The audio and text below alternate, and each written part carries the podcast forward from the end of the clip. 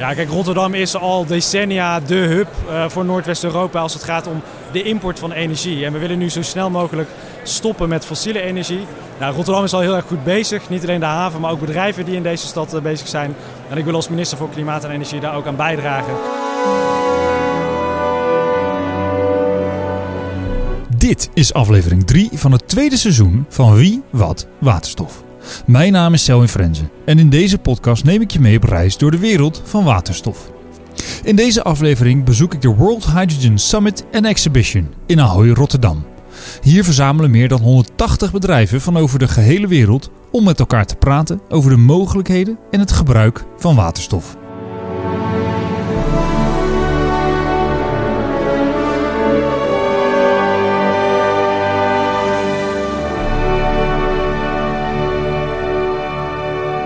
Tijdens de summit zijn meer dan 6000 personen uit alle windstreken aanwezig. Om te netwerken, ideeën uit te wisselen en de vele seminars en speeches bij te wonen. Het evenement wordt geopend door de burgemeester van Rotterdam, Ahmed Abu Taleb. En door Jeannette Beaulieu, lid van de gedeputeerde staten van de provincie Zuid-Holland. Tijdens hun openingsspeech beaamden ze beiden dat, hoewel de bedrijven de transitie door moeten voeren, ze dit niet kunnen zonder hulp van de overheid. Regional Minister, the, the province and the city are very much involved with hydrogen, but one could say just leave it to the business. Well, one could say that, and uh, yes, of course, there's also uh, a need that the business does what they have to do. They have to make the change. But of course, as, uh, as governments, uh, even the national government, European government, and uh, of course we as local governments, we are setting goals, we are setting the political agenda, I mean, we all know these targets, and the business are, of course, making that change, and they have to do it, but it is a cooperation. It is a cooperation, and that's when it comes to a regional uh, government, but to a city as well. Yeah. Well, normally, um, um, if you say that we are witnessing a revolution, mm-hmm. and I believe that we're witnessing a revolution, it's not only a business to the business community alone. This is too big. This is too large. This is too significant to be done by business community itself alone. Een andere spreker is Frans Timmermans, vicepresident van de Europese Unie. In zijn speech onthult hij de vergrote ambities van Europa op het gebied van het versnellen van de energietransitie. En zijn methode om dat te bereiken is meer groene waterstof. Our European hydrogen strategy already set ambitious targets for the use of hydrogen. When I first spoke of them, I was seen as being too ambitious. Now, not even two years later, these targets aren't only realistic, but we're even raising them as part of our plans to end Europe's dependency on Russian gas. Next week, on the 18th of May, uh, we will present detailed plans to repower Europe with clean energy, and we will be very concrete what this means more green hydrogen. Vervolgens was het het woord aan de CEO van het havenbedrijf Rotterdam, Allard Kastelein. But the energy security is of major relevance to us all, in combination with the decarbonization of the energy sources we use.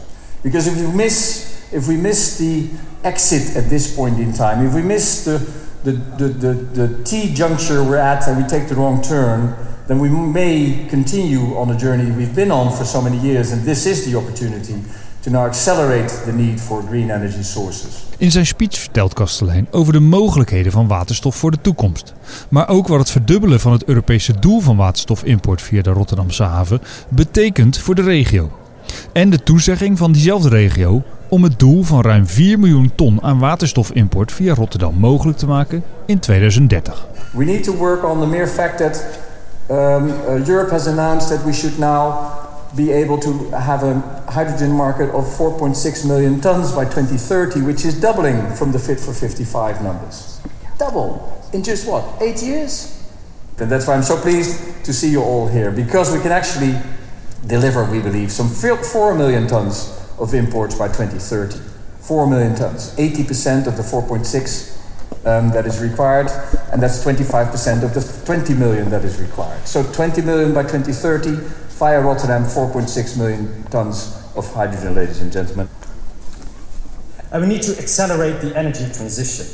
Dit is Rob Jette, onze huidige minister voor Klimaat en Energie. Because the energy transition is the pathway towards transformation of the global energy sector and for the decarbonization of our industry. In zijn speech benadrukt hij hoe belangrijk het is om de energietransitie door te voeren en zegt hij eigenlijk hoe sneller, hoe beter. Na zijn speech mocht ik hem een aantal vragen stellen.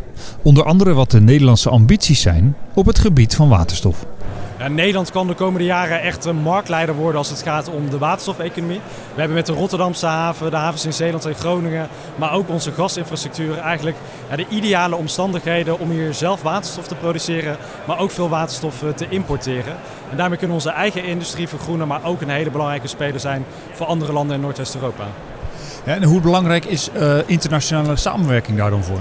Ja, dat is echt cruciaal. Uh, willen we in de komende paar jaar in het licht van klimaatverandering en de oorlog in Oekraïne echt sneller die waterstofeconomie voor elkaar krijgen, dan moet je dat niet nationaal doen, maar moet je op Europees en op mondiaal niveau ervoor zorgen dat eh, de regelgeving voor waterstof in orde is. Dat bedrijven weten onder welke voorwaarden ze kunnen investeren. Maar we moeten ook de supply chain tussen bijvoorbeeld landen in Afrika en Zuid-Amerika waar je veel waterstof kan produceren, hoe je die waterstof dan hier naar de Nederlandse havens krijgt. En dat vraagt in de komende paar jaar zowel van overheden als het bedrijfsleven ja, echt een hele goede samenwerking. Ja, en hoe belangrijk is dan Rotterdam en de Rotterdamse haven voor die Nederlandse ambities? Ja, kijk, Rotterdam is al decennia de hub uh, voor Noordwest-Europa als het gaat om de import van energie. En we willen nu zo snel mogelijk stoppen met fossiele energie. Kolen, olie en gas uh, moeten gewoon uit, zeker ook in het licht van de Russische agressie. Uh, dus het is ook een enorme kans voor Rotterdam om alle bestaande kennis, expertise, infrastructuur hier te hergebruiken voor die groene energiedragers. En nou, Rotterdam is al heel erg goed bezig. Niet alleen de haven, maar ook bedrijven die in deze stad uh, bezig zijn. En ik wil als minister voor Klimaat en Energie daar ook aan bijdragen met investeringen en met helder beleid. Na de opening van de World Hydrogen Summit en Exhibition is het tijd om de beursvloer op te gaan. Hier staan bedrijven en start-ups van over de hele wereld om hun uitvindingen en producten te laten zien aan collega's uit het vakgebied. In de eerste stand waar ik langs loop, zie ik een man bezig met een heel klein apparaatje, waar aan beide kanten een flesje water vast zit. In het flesje aan de rechterkant zitten bubbels, maar links niet. En ertussen draait een heel klein blauw motortje. Het ziet er wat futuristisch uit. Wat is het? Nou, dit is eigenlijk de, de kleinste waterstofzuurstofgenerator hier op de beurs. En het is decentraal. Dus het is, heeft een eigen uh, accu. Het gebruikt 100 watt. Dus het zou op een zonnepaneel uh, kunnen draaien. En wat het doet is het uh, on demand. Op druk op een knop krijg je de, gaat het systeem dus waterstof, zuurstof maken. En zoals je ziet aan de linkerkant en de rechterkant heb je twee stromen. En die stromen kan je dan scheiden. En dan kan je dan bijvoorbeeld, in dit geval wat je ziet, is het voor, voor infusie van water. En wat wij doen, doen is eigenlijk, wij brengen de waterstofzuurstof terug in het water en gebruiken water als transportmiddel in, uh, in waterleiding. Uh, bijvoorbeeld uh, bij de, in, in land- en tuinbouw kan dat gebruikt worden. De man heet Mario van der Bree, hoofdontwikkeling en research bij Hydrogen Technologies Europe. Ik ben benieuwd waar het apparaat uiteindelijk voor bedoeld is. Nou, men heeft misschien wel iets gehoord over oxidatie, hè, dus oxidatiestress in de natuur. Uh, en wat, wat, wat waterstof eigenlijk heel erg uh, goed doet, is in de biologie de oxida oxidatiestress van het micro-organisme eigenlijk neutraliseren. Je hebt super, radicalen in het systeem, die wil je eigenlijk niet. En uh, waardoor planten beter groeien, waardoor ja, de fysiologie beter functioneert eigenlijk. Op een andere stand spreek ik Gerbe Drijfhout. En hij is lid van het studententeam Aero Delft. Zij ontwikkelen waterstofvliegtuigen. Hoe ver zijn ze daar eigenlijk mee? Uh, ze zijn nu bezig met het bouwen van een, uh, wat wij noemen het full-scale vliegtuig. Het is een uh, vierzits bemand vliegtuig die wij ombouwen tot een tweezitter met de waterstofsystemen achterin. dus op die manier proberen we stapje voor stapje, eerst op kleine schaal, dan op grotere en bemande schaal, de stap naar het duurzame luchtvaart te zetten. De vliegtuigen zullen uiteindelijk gaan vliegen op vloeibare waterstof. Ik vraag me af welke waterstofdrager ze hiervoor gaan gebruiken. Dus voor ons, uh, hoe het werkt, is dat wij... Nou, we hebben dus eerst een fase in gasvormige waterstof... waarbij we een gastank gebruiken uh, om uh, de waterstof op te slaan. Maar uiteindelijk is dus de stap die belangrijk is voor de luchtvaart... is dus de vloeibare waterstof. Dat betekent dat we echt pure vloeibare waterstof in de tank hebben... die vervolgens wordt opgewarmd en op druk wordt gebracht om de brandstofcel in te gaan. In die brandstofcel reageert dan katalytisch met de zuurstof uit de lucht... Uh, dat wekt de elektriciteit op die nodig is om onze elektromotor aan te drijven. Een klein stukje verderop zie ik de stand van Zep Solutions. Een bedrijf dat zich richt op brandstofcelsystemen en waterstofopslagsystemen voor mobiele toepassingen. Wat is hun doel hier op de summit? Ik spreek met medeoprichter Jan Bot. Ja, het is een combinatie van uh, allerlei factoren. We hebben natuurlijk al uh, producten die in de markt of in, in, het veld staan te draaien. allerlei mooie projecten en, en samenwerkingen. maar we willen toch ook onszelf meer laten zien. Hè? Van nou, dit, dit zijn wij en dit kunnen we. om te kijken of, of we nieuwe, nieuwe projecten kunnen opstarten. En die projecten waar jullie nu allemaal aan werken, waar, waar moeten we dan aan denken? Uh, nou, dat zijn bijvoorbeeld, uh, we hebben de, de Yard Tractor voor Terberg Benschop hebben ontwikkeld uh, op waterstof. we hebben een, een generator in, ontwikkel, in ontwikkeling voor KLM en, en Schiphol om vliegtuigen van, van stroom te voorzien. graafmachines worden op dit moment in elkaar gezet met onze technologie. En natuurlijk de, de watertaxi Rotterdam die, die volgende maand in de vaart komt.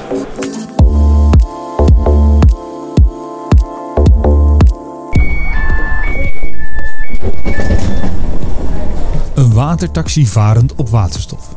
Daar wil ik graag meer over weten. Samen met mijn collega Eva ben ik aangekomen in Delft, waar wij het team van Enview gaan bezoeken. Dit team is momenteel hard bezig om een leeg watertaxi Casco te voorzien van een motor aangedreven door waterstof. Het is een beeld dat veel Rotterdammers bekend voor zal komen. Een watertaxi dobberend aan de kade. Het enige verschil, onder de motorkap van deze taxi zit nog helemaal niks. En de stuurhut is nog een weerwar aan draden en losliggende dashboards. Eerst spreek ik Gijs Bruining. Hij is ingenieur voor Flying Fish.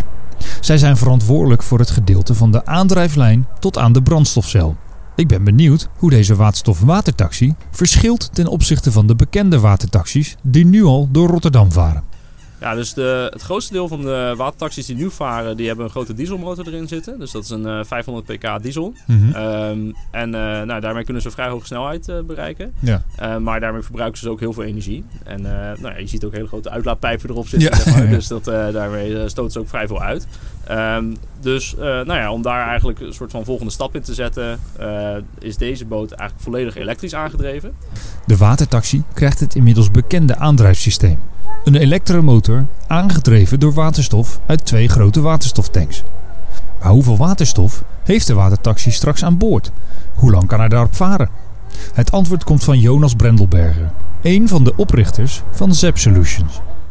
Uh, we kunnen daarmee um, iets meer dan 9 uur continu varen. Oké. Dus dat is dan gezien op de normale operatie van de watertaxi kunnen we iets meer dan 9 uur halen. Als je langzamer vaart, kan je langer door. Ja, precies. Maarten Fontijn werkt voor Enview, waar ze innovaties en duurzame businessmodellen ontwikkelen. Ze richten zich op meerdere sectoren, waaronder de maritieme sector. Een van die innovaties is dus de waterstof-watertaxi. Hoe is dit project eigenlijk tot stand gekomen? Wij hebben in eerste instantie contact opgenomen met, met het idee. Uh, we wilden uh, een, een, case vinden waar het uh, echt zin heeft om op waterstof te gaan varen. Mm -hmm. um, we weten dat de watertaxi ook bezig is met duurzaamheid en al op elektrische, op batterijen vaart. Ja. Dus we zijn met hen in gesprek gegaan om te kijken van hey, hoe kunnen we jullie ook helpen naar zero emission te gaan.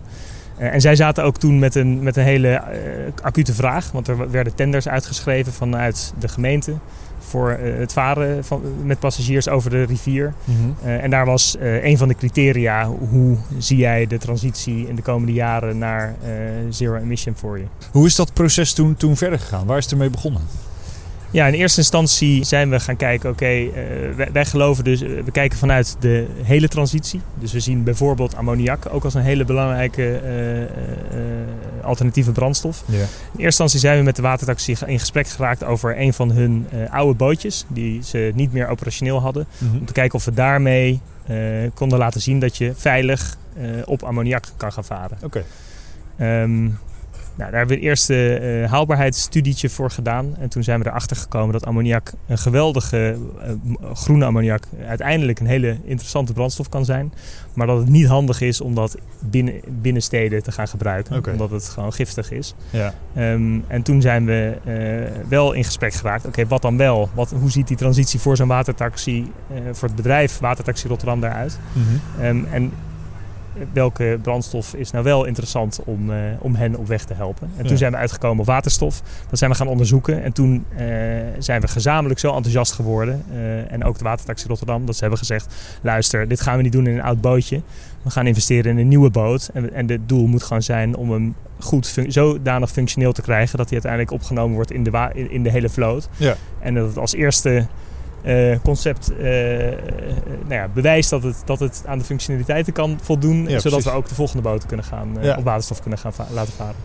Nou ja, hier zien wij, als we even voor ons kijken, een hele grote, heel groot luik openstaan. En ehm, ja, volgens mij moet daar uiteindelijk de waterstoftank gaan komen, ja, toch? dat klopt. Ja, die liggen klaar. Eh, maar we willen eh, eerst zorgen dat, die dat de boot eh, elektrisch werkt. Ja. Er zit ook een accu in. Mhm. Eh, en vervolgens gaat eh, de, de opslag en de brandstofcel wordt hier eh, Ja. ingebouwd. Wanneer is dan de planning dat die echt moet gaan varen?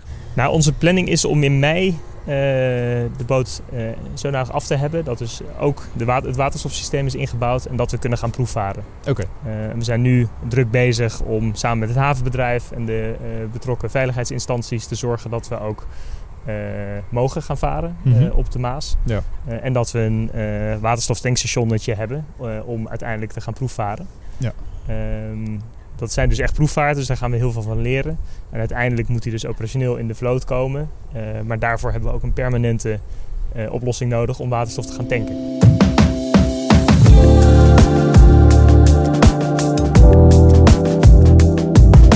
Terug op de beurs zie ik in mijn ooghoek een klein motorblok staan. Althans, het lijkt op een motorblok voor mijn ongetrainde oog. De stand is van Nuvera en ik spreek daar hun CEO, Lucien Robroek. Hij legt mij uit waar ik naar kijk. Ja, dit is een eh, 45 kilowatt eh, fuel cell engine, zoals we dat noemen. Dat heeft, hij is ontworpen dat hij zoveel mogelijk op een eh, traditionele verbrandingsmotor lijkt. Hè. Dus je zet hem zo ook in een voertuig. Dan moet nog een tank aan, dan moet nog een radiator aan. Maar eh, hij levert eh, geen mechanische arbeid, maar elektriciteit. En die elektriciteit kan je gebruiken dan om je batterijen op te laden of rechtstreeks je elektrische voertuig eh, aan te drijven. Eh, maar dat betekent wel dat je je eigen eh, brandstof, aan, eh, je, je waterstofgas aan boord hebt, daarvan elektriciteit maakt en daarmee het voertuig aandrijft. En het, voordeel daarvan is dat je niet hoeft, je hoeft je batterijen zeg maar, niet in te pluggen. Je hoeft ze niet op te laden. Je tankt gewoon waterstofgas. Eigenlijk zoals je dat ook gewoon met LPG gewend zou zijn. Of zelfs diesel. Eh, eh, en je hebt eh, een gegarandeerde actieradius die veel groter is dan alleen met batterijen. Op een ander gedeelte van de beursvloer zie ik een heel groot motorblok staan. Ernaast staat een vrachtwagen. Maar het motorblok is zo groot dat dit nooit op een vrachtwagen kan passen. Ik spreek Roy Kamp aan. Hij is Chief Technology Officer bij CMB Tech en weet alles over dit motorblok. Ja, vandaag hebben we onze megawatt zero-emissie eh, motor eh, voorgesteld. Dat is eigenlijk een medium speed motor die gebruikt wordt in zware toepassingen zoals locomotieven en schepen. Die vanaf vandaag 100% op waterstof, we zeggen zero-emissie, eh, kan worden ingezet in tal van applicaties. En wij denken dat dit een betrouwbare, eh, betaalbare en een oplossing is die de, eigenlijk de heavy-duty industrie nodig heeft. Een waterstofmotor voor locomotieven en schepen. Dat klinkt veelbelovend. Maar hoeveel verbruikt zo'n motor? Per megawattuur verbruikt hij 67 kilogram waterstof. Eh, dit platform kan in een V16-uitvoering kan 2,6 megawatt gaan produceren. Dus afhankelijk van het type toepassing, bijvoorbeeld een binnenvaartschip, dat zit ongeveer rond de 1 megawatt. Dat zal ongeveer ja, 67 kilogram waterstof per uur nodig hebben. Eh, maar dan kunnen we wel 1 megawatt eh, aan vermogen opleveren. Als je dat moet gaan doen met alternatieve technologieën van brandstofcellen of met batterijen, dan zie je dat je daar ja, dat je beperkingen eh, nodig hebt. En in die industrie, zoals scheepvaart, zoals locomotieven, zoals generatoren, die hebben eigenlijk betrouwbare, betaalbare oplossing nodig. En dat is wat we vanaf vandaag aanbieden. Ja, nou staat er ook een hele grote vrachtwagen hier eh, naast ons. Eh, rijdt die ook al op een waterstofmotor? Die, dat is een dual fuel technologie. Dus wat we daar hebben gedaan is, we hebben zes waterstoftanks die achteraan de cabine staan geïnstalleerd op een frame. Hebben we eigenlijk geschroefd op het frame van de vrachtwagen. En dan gaan we die waterstof gaan bijmengen in de dieselmotor. En door het bij te mengen kunnen we eigenlijk de emissiebesparing gaan realiseren. Maar als er dan bijvoorbeeld geen tankstation beschikbaar is of niet dichtbij, eh, dat je nog altijd op eh, diesel verder kan rijden. Ik sluit de dag af bij de stand van het havenbedrijf Rotterdam. Ik zie Randolph Weterings, die ik eerder in aflevering 1 van dit seizoen mocht spreken op het Conversiepark in Rotterdam. De avond hiervoor heeft Randolph de Future Hydrogen Leader Award gewonnen tijdens het speciale dinergala. Hoe kijkt hij daarop terug? Nou ja, het is natuurlijk een enorme eer om die uh, in ontvangst te mogen nemen. Uh, niet alleen voor mezelf, maar ook voor het team. Met alles wat we uh, tot nu toe hebben gedaan en wat een successen eraan zitten te komen. en wat we al hebben geboekt. Dus dat is natuurlijk heel leuk om te zien dat je dat vanuit de mensen die in hetzelfde domein zitten zo'n award krijgt eigenlijk. Ja, want uh, de Port of Rotterdam in zijn geheel heeft ook een award gewonnen, als Port of the Future natuurlijk. En daar werd uh, nou ja, door de CEO, Albert Kastelein, werd er nog even bij stilgestaan dat het echt een team effort is. Hè? Ja, het is echt een team effort. We zijn nu met uh, 35 man zo'n beetje echt fulltime aan het slag met, met waterstof. Um, Parttime zullen dat er zeker een, mannetje of 100 zijn. Dat is een enorm team. ja, en zulke dingen zoals we nu doen, dat kan ook echt alleen maar met een team gerealiseerd worden. En ik denk dat we een heel sterk team hebben. Uh, ja, en dat is nodig voor zo'n uh, enorme opgave die we tegemoet zien. Randolph stelt mij vervolgens voor aan zijn collega Martijn Koopmans. Hij is programmamanager van internationale logistieke ketens op het gebied van waterstof. In deze functie is hij verantwoordelijk om 80 tot 90 procent van de 20 miljoen waterstof die nodig is in Rotterdam ook daadwerkelijk naar Rotterdam te krijgen. Ik vraag me af hoe hij de summit heeft beleefd. Ja, fantastisch. We hebben twee jaar lang uh, virtueel uh, de hele wereld over gereisd. Uh, elke week letterlijk de wereld rond. was heel efficiënt. Fantastisch om mensen te zien. Maar nu voor het eerst echt de kans om mensen 3D te zien. binnen een dag de, mensen, 80 mensen gezien die, die ik twee jaar lang virtueel heb gezien. Dus geweldig, echt waanzinnig. Nou is er vandaag een, uh, ook nog eens een mooi bericht uitgegaan. Dat heb je vast meegekregen natuurlijk met Frans Timmermans. Uh, kan je daar wat meer over vertellen?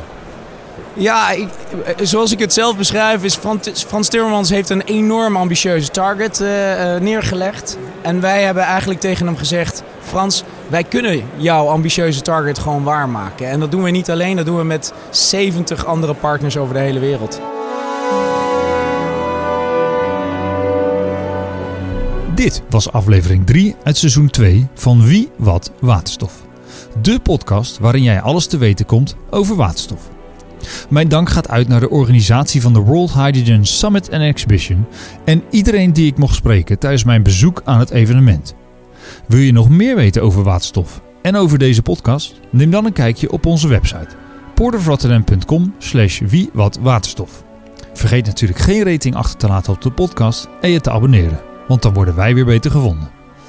In de volgende aflevering van Wie Wat Waterstof bezoek ik Rotterdam de Heek Airport en spreek ik met Daan van Rijswijk over de ontwikkelingen op het gebied van waterstof voor de luchtvaart.